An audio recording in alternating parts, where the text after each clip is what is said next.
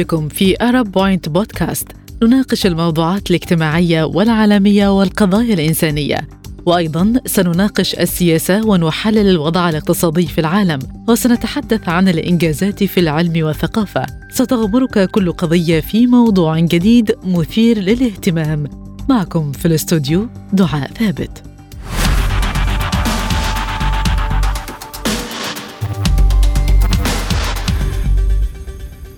مستمعينا الكرام يا ترى شايفين إن مشكلة السمنة أو زيادة الوزن منتشرة بشكل كبير حوالينا ولا الأمر عادي؟ تقرير جديد كشف إن أكثر من نصف سكان العالم هيعانوا من زيادة الوزن أو السمنة عام 2035 الكلام ده على لسان الاتحاد العالمي للسمنة اللي بيتوقع إن 51% من سكان العالم يعني أكثر من 4 مليار نسمة هيعانوا من السمنة أو زيادة الوزن خلال 12 سنة اللي جاية.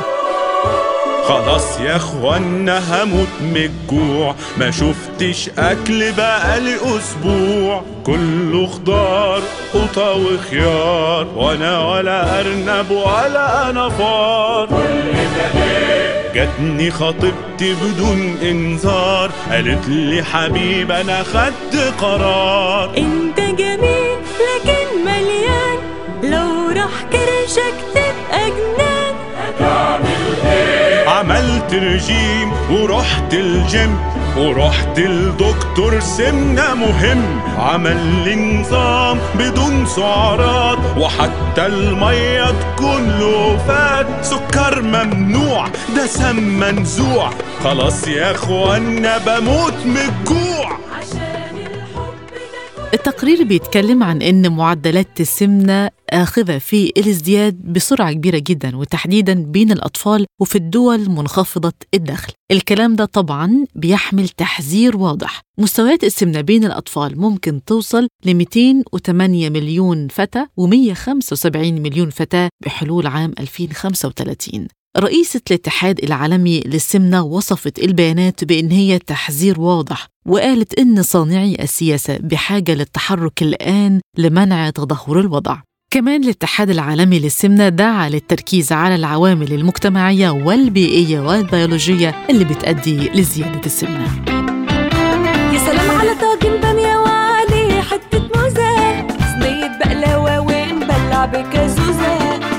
فينك يا كابتشينو وفينها أيام فمك واقف اسمنجع ويسيب يبقع في هدومك.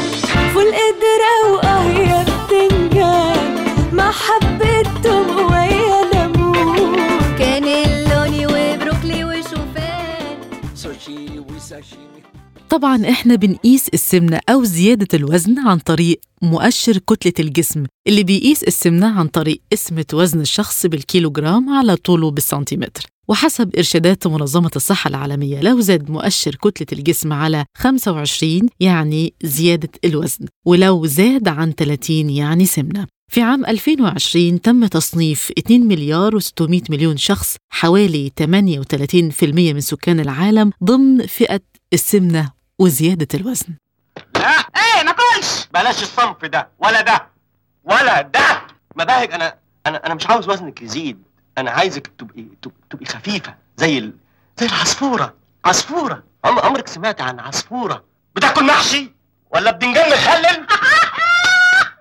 السبب الأساسي لزيادة الوزن والسمنة هو اختلال توازن الطاقة بين السعرات الحرارية اللي بتدخل الجسم والسعرات الحرارية اللي بيحرقها. منظمة الصحة العالمية بتقول إنه غالبا بتكون التغييرات في النظم الغذائية وأنماط النشاط البدني ناتجة عن التغييرات البيئية والمجتمعية المرتبطة بالتنمية وعدم اتباع سياسات داعمة في قطاعات زي الصحة، الزراعة، النقل، التخطيط العمراني، البيئة وتجهيز الأغذية وتوزيعها وتسويقها وكمان التعليم.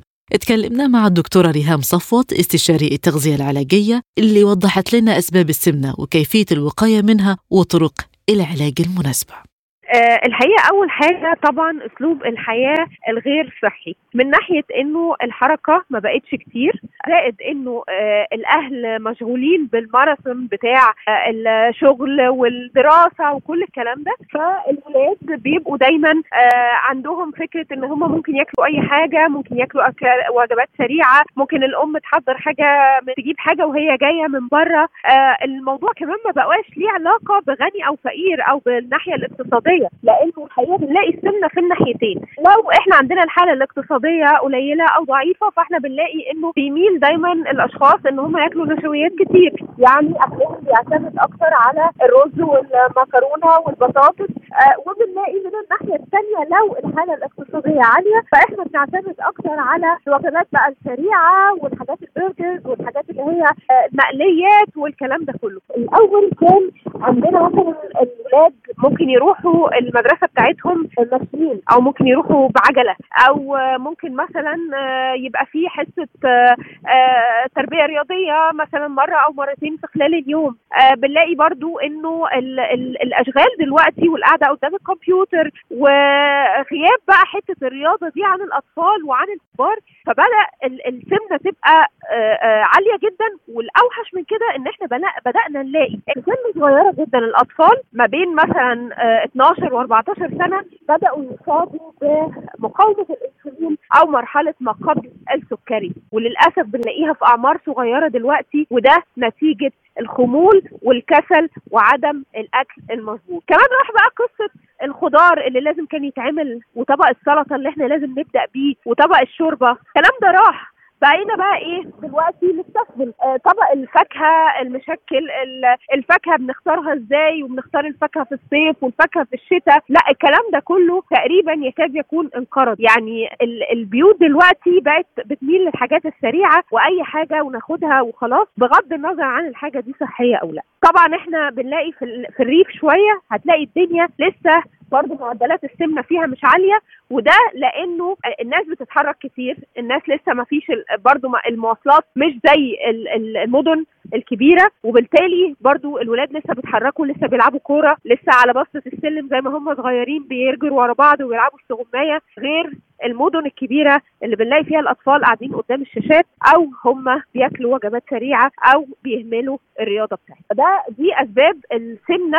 طبعا في اسباب أسباب وراثية. طبعا في أسباب خاصة بالادويه إحنا بناخدها آه، بتسبب السمنة. اضطرابات النوم على فكرة. اضطرابات النوم من الحاجات كمان اللي بتسبب في السمنة. وده موجود عند ناس كتير جدا مننا وعند موجود عند برضو الأطفال في مرحلة المراهقة وما بعدها لأنه بي سهران بيذاكر لو هو في أجازة يبقى سهران مثلا مع أصحابه. سهران ماسك ال screen طول النهار الشاشات الموبايلات أو الكمبيوتر أو الكلام ده كله. فخلى برضو في اضطرابات النوم خلاهم برضو من ناحية تانية إن هم آه، الحرق بتاعهم يبقى ضعيف.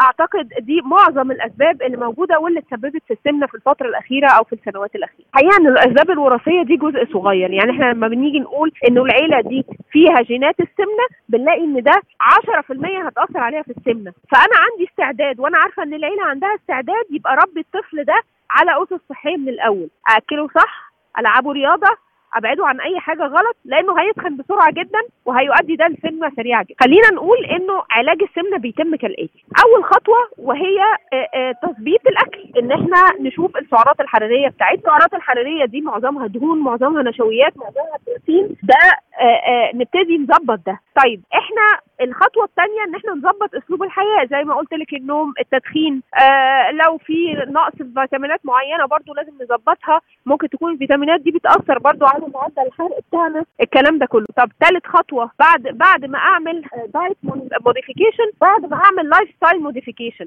أعمل إيه؟ اللي هو ال physical activity أو الحركة. معامل الحركة لازم يزيد. طب نمرة أربعة أبتدي أشوف أدوية. طب هو في أدوية دلوقتي موجودة في السوق آمنة؟ إحنا طول النهار بنقول يا جماعة مفيش أدوية آمنة إن إحنا نستخدمها علشان نزول الوزن. لكن الحقيقة إنه منظمة الصحة العالمية أدت آه تصريح لدواء دلوقتي موجود في السوق ممكن يساعدنا على نزول الوزن بطريقة آمنة وصحية ولا يعطى إلا طبعا بإذن الطبيب. طيب بعد كده بقى نبتدي نخش على العمليات. كم واحد هيعمل عملية هتلاقي العدد قليل جدا. كم واحد هيخش في مرحلة الأدوية برضو مش ناس كتير. كم واحد هيلتزم لحد فترة كبيرة لحد ما ينزل الوزن الزيادة بتاع وزنه برضو مش ناس كتير. هي الفكرة دلوقتي اللي إحنا بنتجه له إنه الموضوع مش موضوع إن أنا أدي لك ورقة دايت وخلاص. مش موضوع إن أنا أقول لك ظبط أكلك وكل ما تاكلش وخلاص. الموضوع منتلي لازم يتظبط لازم يكون الشخص نفسه عنده استعداد كامل إن هو هيغير أسلوب حياته وعارف إن ده هيستمر لفترة طويلة مش لفترة قليلة وخلاص. أو فترة هو هيعمل فيها دايت أو واحدة هتروح تحضر فرح وخلاص على كده هرجع لعاداتي القديمة. يبقى اذا ده أسباب الفشل. أسباب الفشل إنه إحنا مش عارفين إن ده لونج تيرم علاج أو أو يعني لازم يكون ده علاج ده لمدة طويلة ولازم يكون على إيد متخصص علشان السمنة تنبسط على إن هي مرض حاليا مرض مزمن وبالتالي يجب علاجه زي ما بيتم علاج السكر والكوليسترول والضغط وكل الأمراض. في العصر الحديث لاحظنا فكرة التحول لأنماط عصرية جديدة في حياتنا وده أدى لقلة الحركة والنشاط في مختلف المجالات وبالتالي زادت مشكلة السمنة. ما ننساش إن السمنة بتعتبر منشأ للعديد من الأمراض الأمراض المزمنة. زي سكري مقاومة الأنسولين مشاكل القلب والشرايين. الأكثر من كده السمنة المفرطة بتزود احتمالية الإصابة بالأورام السرطانية وبالذات لو في وجود تاريخ عائلي مع النوع ده من الأورام. كمان بالنسبة للأطفال وجب على الآباء تعويد أطفالهم على عادات غذائية سليمة وتقليل تناول الأطعمة المعدة بالدهون المهدرجة خارج المنزل. ما ياكلوش قدام التلفزيون إعداد العصائر الطبيعية في البيت البعد عن العصائر المعلبة وتناول مقدار كافي من المية. كمان لازم لازم ممارسة الرياضة. جعان؟ آه بتيجي ناكل. آه تاكل إيه؟ أي حاجة. تاكل كريب؟ لا. مشويات؟ لا. أكل هندي؟ لا. fried chicken. لا. بيتزا؟ لا. فطير؟ لا. كشري؟ لا. محشي؟ لا. سوشي؟ لا. شاورما؟ لا. فتة؟ لا. فاهيتا؟ لا. طب تاكوز ولا سلطة؟ طب برجر ولا seafood طب مناقيش؟ طب باستا ولا كبدة؟ طب كبسة ولا زلابية hot لا. طب نودلز ولا فول. طب ملوخية ولا wings إيه؟ السمنة بتعتبر كارثة صحية على مختلف الفئات وبالذات صغار السن أكيد البدانة مسألة معقدة بتحتاج للعمل على المستوى القومي المحلي الأسري والفردي كل شخص عنده دور في مجال تحسين الصحة بالذات عند الأطفال دوائر صناعة الأغذية ممكن تلعب دور بارز في تعزيز النظم الغذائية من خلال خفض محتوى الدهون والسكريات والملح في الأغذية المجهزة. ضمان إتاحة الاختيارات الصحية والتغذية بتكلفة ميسورة لجميع المستهلكين. فرض قيود على تسويق الأغذية المحتوية على نسب عالية من السكريات والأملاح والدهون وخصوصا الأغذية الموجهة للأطفال والمراهقين. وضمان إتاحة الاختيارات الغذائية الصحية ودعم النشاط البدني المنتظم في مكان العمل. في النهاية بشكر ضيفتي لحلقة اليوم الدكتورة ريهام صفوت استشاري التغذية العلاجية. الشكر موصول ليكم مستمعينا الكرام والسلام ختام. وبكده خلصت حلقة اليوم من Arab Point بودكاست اشترك اعمل لايك واكتب تعليق.